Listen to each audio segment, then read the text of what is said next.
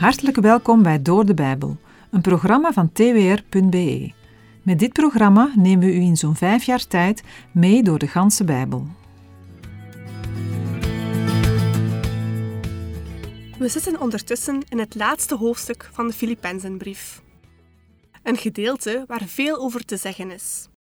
Vandaag, in uitzending 725, gaan we dieper ingaan op versen 6 en 7. De Heere Jezus heeft tijdens zijn leven beloofd dat hij grote blijdschap zal geven in de harten van gelovigen. Bij Paulus is dat zichtbaar geworden. Dwars door alle omstandigheden heen kon hij zich verheugen.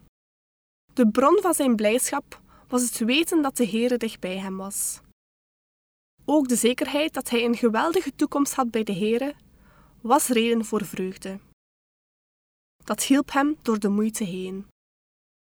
In de Filippenzenbrief komt dit onderwerp verschillende keren terug. Telkens roept de apostel ons op om die blijdschap vast te houden. De gerichtheid op God brengt meer dan blijdschap met zich mee. Het maakt mensen ook vriendelijker, inschikkelijker. De omgang met de Here verandert ons. Mensen kunnen het soms moeilijk maken om vriendelijk te zijn. Maar juist als het moeilijk is om vriendelijk te blijven, mogen we als het ware even opzij kijken en de Here zien. Het kan niet anders of dat beïnvloedt onze houding positief. Vers 6 begint met een simpel zinnetje. Maar wat kan het voor ons mensen soms moeilijk zijn om het in praktijk te brengen? Maak u nergens zorgen over, maar bid voor alles.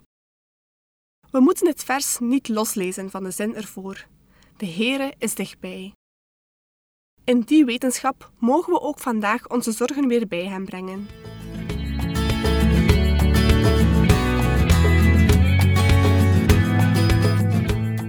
In de vorige uitzending hebben we al een aantal dingen gelezen en gezegd over gebed.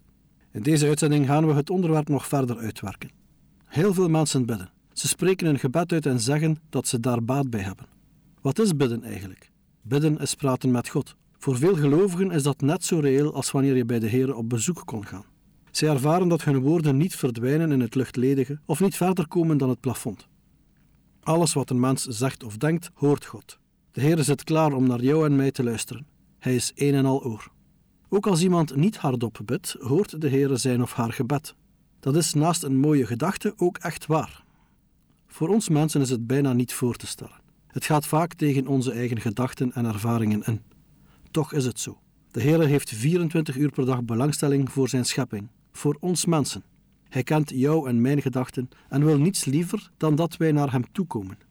Bij de Heer maak je het niet mee dat hij voorlopig geen tijd heeft of net iets belangrijks moet doen. Hij zal ons niet afwijzen, omdat onze vragen voor hem onbenullig of niet relevant zouden zijn. Bij de Heer moet je ook niet wachten tot je aan de beurt bent.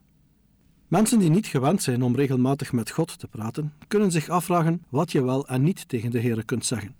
Als wij mensen de Heer met respect en eerbied benaderen, dan is het goed om te weten dat Hij graag met ons wil praten. Hij wil graag horen wat wij denken en voelen, wat ons diep van binnen bezighoudt. Niet dat God dat anders niet zou weten, maar Hij wil het graag van jou en mij zelf horen. De Heer zoekt contact, daar is heel de Bijbel het bewijs van. God heeft zich geopenbaard door zijn woord en geest. Als de Heer dat niet had gedaan, dan hadden wij niets van hem geweten. Soms kan een mens er grote behoefte aan hebben zijn of haar hart eens te luchten. Weet je, dat kan bij de Heere God. Bidden kan ook betekenen je hart uitstorten, alles bij hem neerleggen, inclusief de dingen die je moeilijk vindt, de dingen waar je tegenop ziet, waar je verdriet om hebt. Als Paulus oproept voor alles te bidden, dan bedoelt hij ook alles. In een gebed mag je jouw vragen en zorgen voor het aangezicht van God brengen, maar ook de dingen waar je blij van wordt en waar je dankbaar voor bent. Een eenvoudig en bekend kinderlied zegt: Lees je Bijbel, bid elke dag, opdat je groeien mag. Door het gebed richt een mens zich op God en spreekt met hem. Maar door het lezen van de Bijbel luisteren wij naar de Heer. Koning David heeft onder woorden gebracht dat niets van ons mensen voor de Heere verborgen is. In Psalm 139, versen 1 tot en met 12 schrijft hij: Heere, u doorgrondt en kent mij. U kent mijn zitten en mijn opstaan. U begrijpt van verre mijn gedachten. U onderzoekt mijn gaan en mijn liggen. U bent met al mijn wegen vertrouwd. Al is er nog geen woord op mijn tong, zie, Heere, u weet het alles. U sluit mij in van achter en van voren. U legt uw hand op mij. Dit kennen, het is mij te wonderlijk, te hoog. Ik kan er niet bij. Waar kan ik uw geest ontgaan? Waar uw aangezicht ontvluchten? Al steeg ik op naar de hemel, u bent daar. Of legde ik mij neer in de hel, zie, u bent daar. Nam ik vleugels van de dageraad, woonde ik aan het einde van de zee, ook daar zou uw hand mij leiden, en uw rechterhand mij vasthouden. Zei ik, ja, duisternis zal mij opslokken, dan is de nacht een licht om mij heen. Zelfs de duisternis maakt het voor u niet duister, maar de nacht ligt op als de dag. De duisternis is als het licht. David verklaart dat hij niet kan ontsnappen aan de alziende God, ook al zou hij het willen proberen. Een mens kan niet vluchten voor de Heer, maar moet dat eigenlijk ook niet doen.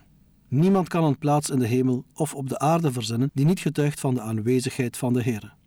Laten we verder lezen in Psalm 139. In de versen 13 tot en met 18 staat: Want u hebt mijn nieren geschapen, mij in de schoot van mijn moeder geweven. Ik loof u, omdat ik ontzagwekkend wonderlijk gemaakt ben. Wonderlijk zijn uw werken. Mijn ziel weet dat zeer goed. Mijn beenderen waren voor u niet verborgen, toen ik in het verborgene gemaakt ben en geborduurd werd in de laagste plaatsen van de aarde. Uw ogen hebben mijn ongevormd begin gezien, en zij allen werden in uw boek beschreven, de dagen dat zij gevormd werden, toen er nog niet één van hen bestond. Daarom, hoe kostbaar zijn mij uw gedachten, o God, hoe machtig groot is hun aantal. Zou ik ze tellen? Zij zijn talrijker dan korrels zand. Ontwaak ik, dan ben ik nog bij u. We lazen in Filippenzen 4 vers 6, Wees in geen ding bezorgd, maar laat uw verlangens in alles, door bidden en smeken, met dankzegging bekend worden bij God. We mogen deze woorden niet opvatten alsof alles goed is en een mens geen zorgen zou hebben in het leven. Want dan zien we de werkelijkheid van elke dag niet meer en houden we geen rekening met de weerbarstigheid van het aardse leven. Is dan de zonde en het kwaad niet meer reëel? Is er nu al geen ziekte meer en pijn? Nee, dat zegt Paulus niet. Hij zegt dat we ons nergens zorgen over moeten maken, omdat we voor alles moeten bidden.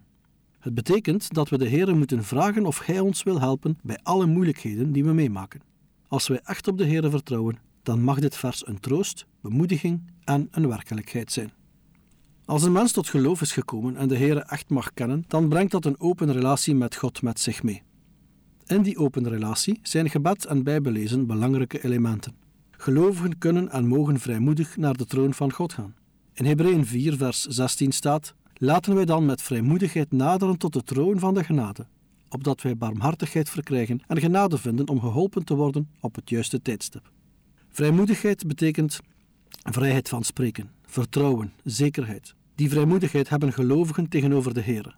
Zij mogen tot Hem bidden. Vrijmoedigheid in het bidden betekent niet dat aan geen enkele voorwaarde moet voldaan worden. Andere plaatsen in de Bijbel lezen we bijvoorbeeld dat bidden in geloof moet gebeuren. En in de naam van Jezus. Bidden kunnen alleen zij die in Christus zijn en blijven, en anderen hebben vergeven. Het moet ook gepaard gaan met gehoorzaamheid, en niet op een manier waarin egoïsme tot uiting komt. In 1 Johannes 5, versen 14 en 15 staat: En dit is de vrijmoedigheid die wij hebben in het toegaan tot God, dat Hij ons verhoort, telkens als wij iets bidden naar Zijn wil. En als wij weten dat Hij ons verhoort, wat wij ook bidden, dan weten wij dat wij het gevraagde, dat wij van Hem hebben gebeden, ontvangen. Uit ervaring weten de gelovigen dat zij niet altijd bidden naar Gods wil. Bidden naar Zijn wil is ook niet hetzelfde als proberen God om te praten, maar is een overgave aan Zijn wil en Zijn plan. Zijn wil geschieden. Wie zo bidt, vindt een open oor en verhoring. In 1 Johannes 3, vers 22 staat: En wat wij ook maar bidden, ontvangen wij van Hem, omdat wij Zijn geboden in acht nemen en doen wat Hem welgevallig is. Hier staat geschreven dat een gebed verhoord wordt als het gedrag van een gelovige overeenstemt met Gods geboden. Daarbij gaat het erom of het verzoek of gebed in overeenstemming is met de wil van de Heer. Maar als aan die voorwaarden is voldaan, kunnen de gelovigen er zeker van zijn dat de Heer geeft wat zij hem hebben gevraagd. We kunnen dat zo verstaan, dat onze vragen direct worden gehoord, maar dat de feitelijke verhoring in de toekomst ligt. Dat geldt inderdaad voor de gebeden die betrokken zijn op toekomstige gebeurtenissen. De verhoring ligt dan ook in de toekomst. Andere zaken, zoals vergeving en het ontvangen van de Heilige Geest, worden direct ons deel. In ieder geval is het zo dat Gods kinderen zeker kunnen zijn van een antwoord als ze bidden naar Gods wil. Daarmee komen we bij het probleem van onbeantwoorde gebeden. Ik denk dat er geen onbeantwoorde gebeden bestaan. Als ze er wel waren, zou het betekenen dat gelovigen een hemelse vader hebben die geen antwoord geeft. Soms denkt men, maar ik heb wel voor dingen gebeden die ik niet heb gekregen. Maar zijn dat onbeantwoorde gebeden? Vroeger als kind heb ik aan mijn ouders ook dingen gevraagd die ik niet heb gekregen. Maar mijn vragen zijn niet onbeantwoord gebleven. Het antwoord was nee. De antwoorden die de Heere geeft kunnen ook verschillend zijn. Namelijk ja, nee, eerst dit of nog even wachten. Vooral het laatste is een mogelijkheid waar veel gelovigen weinig rekening mee houden. Want wachten kan soms lang duren. Wachten heeft ook met geduld en volharding in de gebeden te maken. Gebeden waar de Heer geen ja op heeft geantwoord, zijn geen onverhoorde gebeden. In 2 Korinthe 12, versen 7 tot en met 10 schrijft Paulus: En opdat ik mij door het alles overtreffende karakter van de openbaringen niet zou verheffen, is mij een doorn in het vlees gegeven, een engel van de Satan, om mij met vuisten te slaan, opdat ik mij niet zou verheffen. Hierover heb ik de Heere driemaal gesmeekt dat hij van mij weg zou gaan. Maar hij heeft tegen mij gezegd: Mijn genade is voor u genoeg, want mijn kracht wordt in zwakheid volbracht. Daarom zal ik veel liever roemen in mijn zwakheden, opdat de kracht van Christus in mij komt wonen. Daarom heb ik een behagen in zwakheden, in smadelijke behandelingen, in noden, in vervolgingen, in benauwdheden, om Christus wil. Want wanneer ik zwak ben, dan ben ik machtig. Gods nee op Paulus' vraag was voor hem het beste antwoord. Nog een aantal aanwijzingen voor het bidden vinden we in 1 Timotheus 2, versen 1 tot en met 6. Daar staat: Ik roep er dan voor alles toe op dat smekingen, gebeden, voorbeden en dankzeggingen gedaan worden voor alle mensen, voor koningen en allen die hoog geplaatst zijn, opdat wij een rustig en stil leven zullen leiden, in alle godsvrucht en waardigheid. Want dat is goed en welgevallig in de ogen van God, onze zaligmaker, die wil dat alle mensen zalig worden en tot kennis van de waarheid komen. Want er is één God, er is ook één middelaar tussen God en mensen, de mens Christus Jezus. Hij heeft zich gegeven als een losprijs voor allen. Dit is het getuigenis op de door God bestemde tijd. Filippenzen 4, vers 7. En de vrede van God, die alle begrip te boven gaat, zal uw harten en uw gedachten bewaken in Christus Jezus. Voor we dit vers gaan bespreken, wil ik toch benadrukken dat dit een vervolg is van het voorgaande. Wat bedoel ik daarmee? Veel mensen verlangen naar die vrede die alle begrip te boven gaat. Velen vragen er God ook om. Maar de hier genoemde vrede is een gevolg van al het voorgaande. Het is één zin. Wanneer het om vrede gaat, zijn wij geneigd allereerst te denken aan de afwezigheid van oorlog of tweedracht. Dat is ook de grondbetekenis van het hier gebruikte Griekse woord. En in het Nieuwe Testament wordt het inderdaad een paar maal in deze betekenis gebruikt. Maar meestal komt het echter voor in een zin die nauw aansluit bij het Hebreeuwse shalom, dat in de eerste plaats een volledige of gave toestand aangeeft, en pas in tweede instantie vrede tegenover oorlog. God schenkt de vrede van Christus, hij doet die vrede in onze ziel neerdalen. Zijn vrede is verstandelijk niet door ons mensen te peilen. Zo groot en rijk is zijn vrede. De vrede van Christus is heel anders dan die van de wereld. De vrede van de wereld komt vaak niet verder dan afwezigheid van oorlog of tweedracht. Maar het woord wordt in het Nieuwe Testament gebruikt op een manier die boven de genoemde betekenissen uitstijgt. De sleutel tot het begrip vrede in het Nieuwe Testament vinden we vooral in twee teksten. De eerste tekst vinden we in Johannes 14, vers 27. Daar zegt Jezus: Vrede laat ik u, mijn vrede geef ik u. Niet zoals de wereld die geeft, geef ik die u. Laat uw hart niet in beroering raken en niet bevreesd worden. De tweede tekst is Filippenzen 4, vers 7, waar Paulus het heeft over de vrede van God. De vrede van God is de vrede die bij de Heere hoort en ook van hem afkomstig is. Paulus geeft daarbij aan dat het een vrede is die ons menselijk besef te boven gaat. Daarom ook noemt Paulus de Heere in 1 Thessalonicenzen 5 vers 23 de God van de vrede. Daarom ook wordt de Heere Jezus in Efeze 2 vers 14 aangeduid met de woorden, want Hij is onze vrede. Deze vrede die een kenmerk is van het Koninkrijk van God, sluit de wanorde uit en verenigt daar waar eerst een muur van vijandschap was. Het is ook de vrede die sinds de komst van de Heer Jezus als evangelie wordt verkondigd. Daarom staat in Efeze 6, versen 14 en 15: Houd dan stand, uw middel omgord met de waarheid, en bekleed met het borstharnas van de gerechtigheid, en de voeten geschoeid met bereidheid van het evangelie van de vrede. Vrede is in bijzondere zin met de Heilige Geest verbonden, zoals bijvoorbeeld blijkt uit Romeinen 8, vers 6, waar staat: Want het bedenken van het vlees is de dood, maar het bedenken van de geest is leven en vrede. En Romeinen 14, vers 17, waar staat: Want het koninkrijk van God bestaat niet uit eten en drinken, maar uit gerechtigheid en vrede en blijdschap in de Heilige Geest. Uit Galaten 5, vers 22 blijkt dat vrede ook deel uitmaakt van de negenvoudige vrucht van de Heilige Geest. En in 1 Petrus 3, vers 11 worden de gelovigen opgeroepen de vrede na te jagen. In de Bijbel wensen gelovigen elkaar ook vrede toe bij een begroeting of een afscheid. Ook ik wil deze uitzending afsluiten door jullie toe te wensen wat in Titus 4, vers 1 staat. Genade, barmhartigheid en vrede zij u van God de Vader en van de Heere Jezus Christus, onze zaligmaker. U heeft geluisterd naar Door de Bijbel, een programma waarin we in vijf jaar tijd de ganse Bijbel bespreken. De basis voor het programma is de Bijbelstudiereeks van Dr. Vernon McGee, Through the Bible. Het werk van Dr. McGee werd reeds in meer dan 100 talen bewerkt. Door de Bijbel is de Vlaamse versie. Meer info over Through the Bible en andere bewerkingen vindt u op www.ttb.org. Bovendien is bij de productie van het programma dankbaar gebruik gemaakt van de studiebijbel van het Centrum voor Bijbelonderzoek.